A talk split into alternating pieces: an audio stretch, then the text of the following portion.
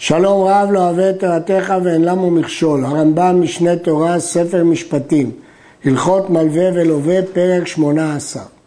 המלווה את חברו סתם, דהיינו שהוא לא כתב אחריות. הרי כל נכסיו אחראים וערבאים לחוב זה. גמרא אומרת, אחריות טעות סופר. כלומר, זה שלא כתבו אחריות זה טעות של הסופר. גם אם לא כתבו, כאילו כתבו, כי ברור שאדם לא מלווה כסף בלי לדרוש אחריות. לפיכך, כשיבוא לגבות, תובע את בעל חובו תחילה. תמיד צריך להקדים לתבוע את הבעל חוב עצמו. אם מצא עמו נכסים, בין מיטלטלין, בין קרקעות, גובה מהם ברצון הלווה. נכסי דבר איניש, אינון ערבים לי, נכסים של אדם הם הערבים שלו, ולכן קודם כל גובים ממנו. ואם לא נתן לו לווה מדעתו, מגבין אותו בבית דין, כופין אותו לשלם לו. לא הספיק לו כל הנמצא כנגד שטר חובו. הרי זה גובה מכל הקרקעות שהיו ללווה, אף על פי שנתן מכורים לאחרים או נתונים במתנה. כיוון שיש אחריות ואין נכסים ללווה, הוא הולך וגובה טורף מהלקוחות שקנו קרקעות. הואיל ומכר הלווה או נתן אחר שנשתעבדו בחוב זה, הרי זה מוציא מיד הלקוחות או מיד בעלי המתנות, וזהו הנקרא טורף. הוא טורף מהקונה או מקבל מתנה אם הם קיבלו אחרי החוב. במה דברים אמורים? בקרקעות שהיו לו בעת שלווה, אבל הנכסים הבאים לו לאחר שלווה, זה נקרא דאיקנה, שהוא קנה אותם, לא נשתעבדו לבעל חוב, אפילו שהוא מכר אותם אחרי ההלוואה, אבל הם לא היו לו בשעת ההלוואה, אז הבעל חוב לא חשב עליהם, בכלל לא שעבדו אותו עליהם, ואינו טורף אותם. ואם התנה עליו שכל נכסים שיקנה יהיו משועבדים להיפרע מהם, אם הוא כותב דקנאי ודעתידא נא למקנה, גם מה שקניתי וגם מה שאני עתיד לקנות, וקנה אחר שלווה או מכר או נתן, הרי בעל חוב טורף מהם. אני מדגיש, הוא קנה אחרי שהוא לווה. אבל אחר כך, כשהוא מכר או נתן, היו הקרקעות בידו, ולכן הם השתעבדו. כיוון שהם היו בידו, לא אכפת לי שהם לא היו בשעת ההלוואה, כיוון שהם היו בשעת המכירה, הם השתעבדו כי הוא עשה תנאי מפורש. דעת הרשב"א, שגם אם הוא לא התנה, אז זה חיים. רק אם הוא התנה בפירוש שזה לא יחול על מה שהוא קונה. כך דעת הרשב"א. לפי הרמב"ם, רק אם הוא כותב דאיקנה, וכך נהוג היום, לכתוב דקנאי ודעתיד אנא למקנה.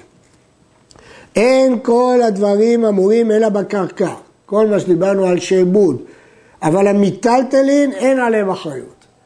אף בעל חוב לא סומך על מיטלטלין כי בקלות אפשר להבריח אותם. ולכן, אפילו מיטלטלין שהיו לו בעת של שלווה, שמחרן לשעתו, אין בעל חוב טורף אותם. הוא לא יכול לטרוף כי בעצם הבעל חוב, המלווה, לא סמך את דעתו על מיטלטלין. הקנה לבעל חובו כל המיטלטלין על גב הקרקע שיש לו להיותו נפרע מן הכל, הרי זה טורף מאותם המיטלטלין. והוא שיכתוב לו בשטר חובו שהקניתי לך מיטלטלין שיש לי על גב הקרקע שיש לי שלא כאסמכתה ושלא כתוסי השטרות. אומר הרמב"ם, אדם יכול לשעבד גם מיטלטלין, אבל בשני תנאים. תנאי אחד, שהוא כותב שהוא מקנה אותם על גב הקרקע, תנאי שני, שהוא כותב שזה לא כאסמכתה. מדוע צריך להקנות אגב הקרקע? נחלקו הראשונים. לדעת הרשב"ם, כמו שאפשר להקנות מטלטלים אגב קרקע, אפשר לשעבד מטלטלים אגב קרקע. אבל אם הוא ישעבד אותם בלי קרקע, זה אסמכתא בעלמא. ברי מיגש משמע שהקנאה על גבי קרקע לא נועדה לשעבד את המטלטלים, אלא מדובר בקניין גמור. איך? הוא מקנה לו את המטלטלים לבעל חוב בתנאי שהוא לא יפרע את החוב מהקרקע או בממון.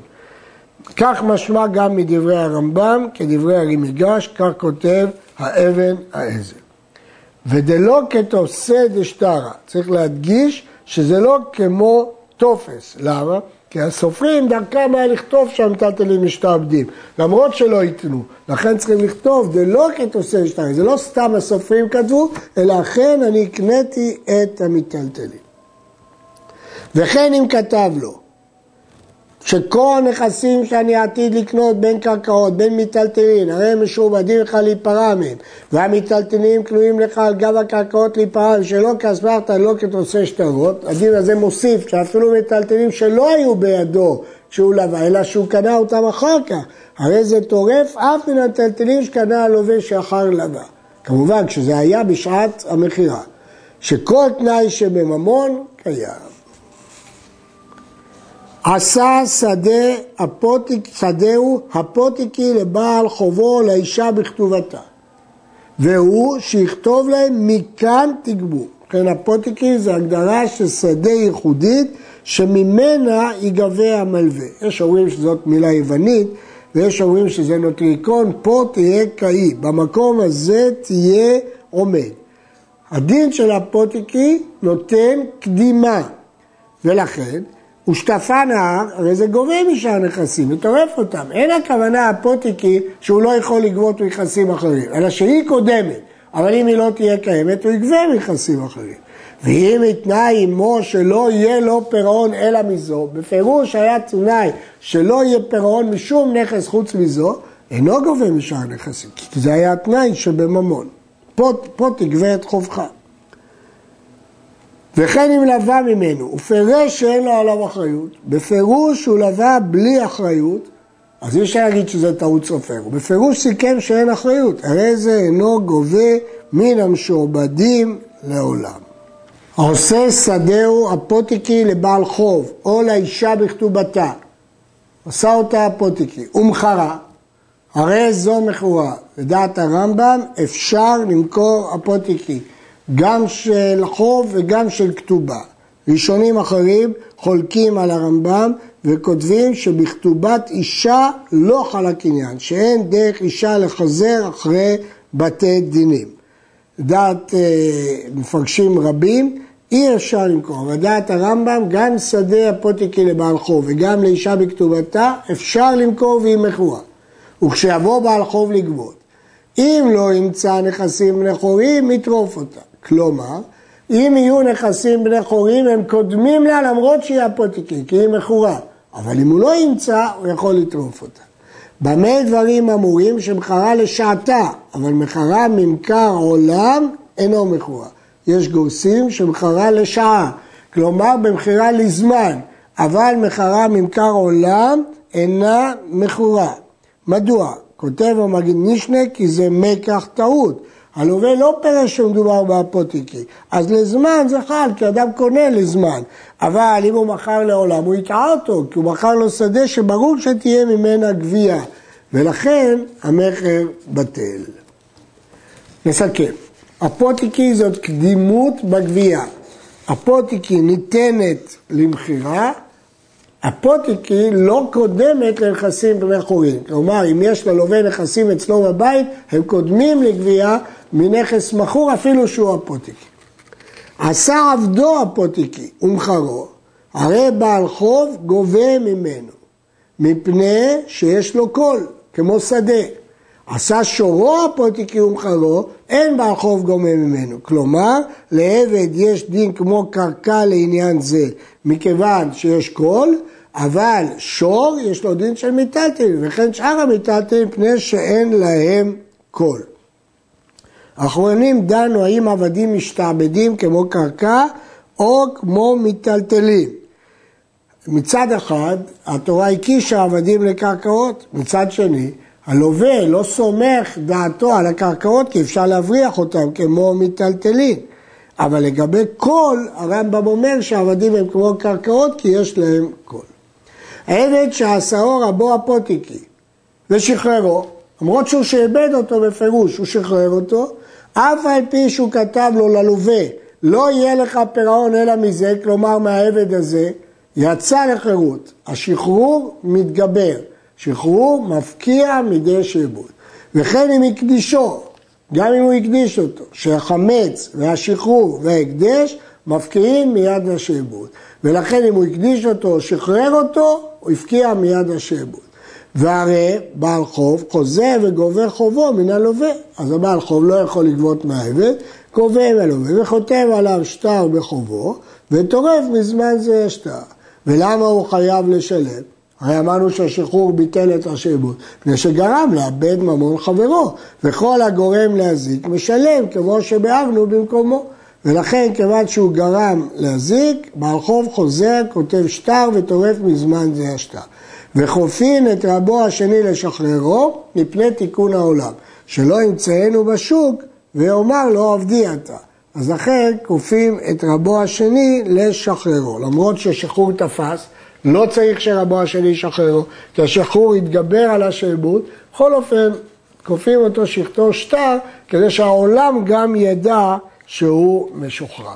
אותו דין גם כן לגבי הקדש, כפי שאמרנו קודם, שהשחרור וההקדש מפקיעים ידי שעבוד.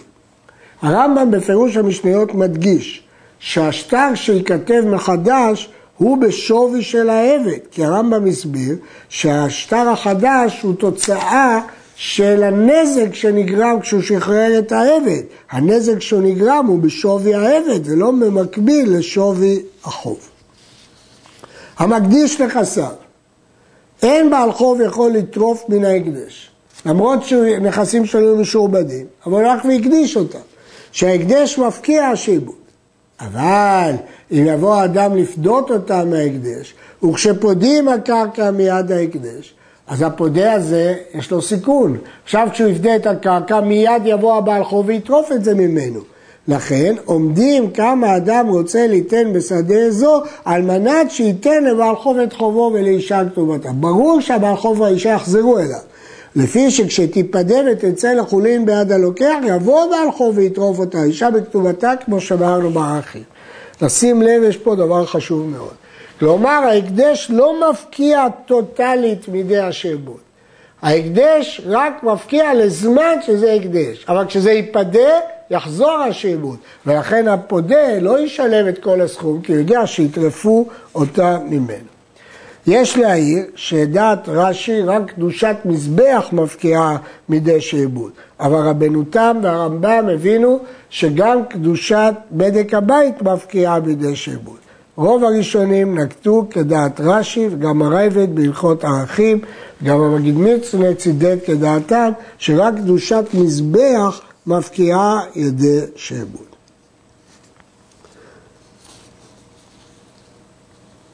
בעל חוב שבא לטרוף, אם יש מעות ללוקח, מי שקנה את השדה מהלווה, עכשיו המלווה בא לטרוף את השדה, הוא אומר לו, השדה מצא חן בעיניי, אני אתן לך את החוב.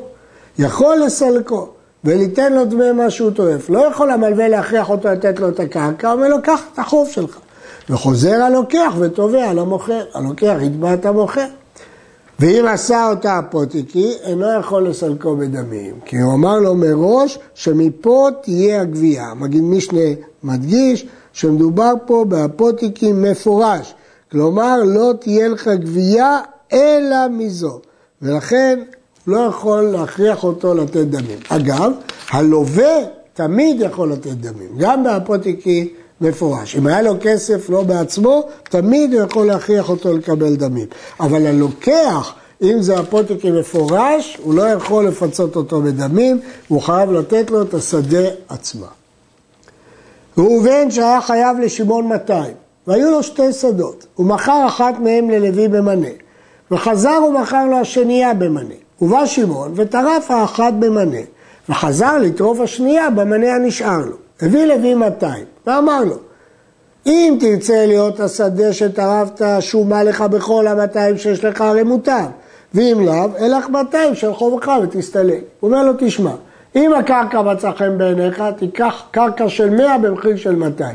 ואם אתה עומד לטרוף עוד קרקע, קח את ה-200 ותסתלק. הדין עם לוי, כיוון שהוא יכול לסלק אותו בממון. רצה שמעון, שמעון עדיף לו היה להישאר בשדה של המאה בתור 200 ועמד בה, אף על פי שקיבלה ב-200, הרי הוא קיבל אותה תמורת חוב של 200, אין לוי חוזר ותובע ראובן אלא במנה אחת, כי סוף סוף כל מה שהוא הפסיד הוא רק מנה, הוא לא הפסיד 200. מת ראובן והניח שדה אחת שווה 100, ובא שמעון וטרפה, ונתנו לו היתומים 100 מן המיטלטלין שהניח אביהם וסילקו לו. אבל החוב הוא יותר גדול. הרי זה חוזר וטורף אותה בשאר חובו, שהמאה שנתנו לו מצווה אסור שמצווה ליתומים לפרוע חוב אביהם. ועכשיו הוא בא וטורף. אבל אם אמרו לו, אלו המאה דמי השדה שטרפת, אינו יכול לחזור ולטרוף אותם פעם אחרת בחובו. עד כאן.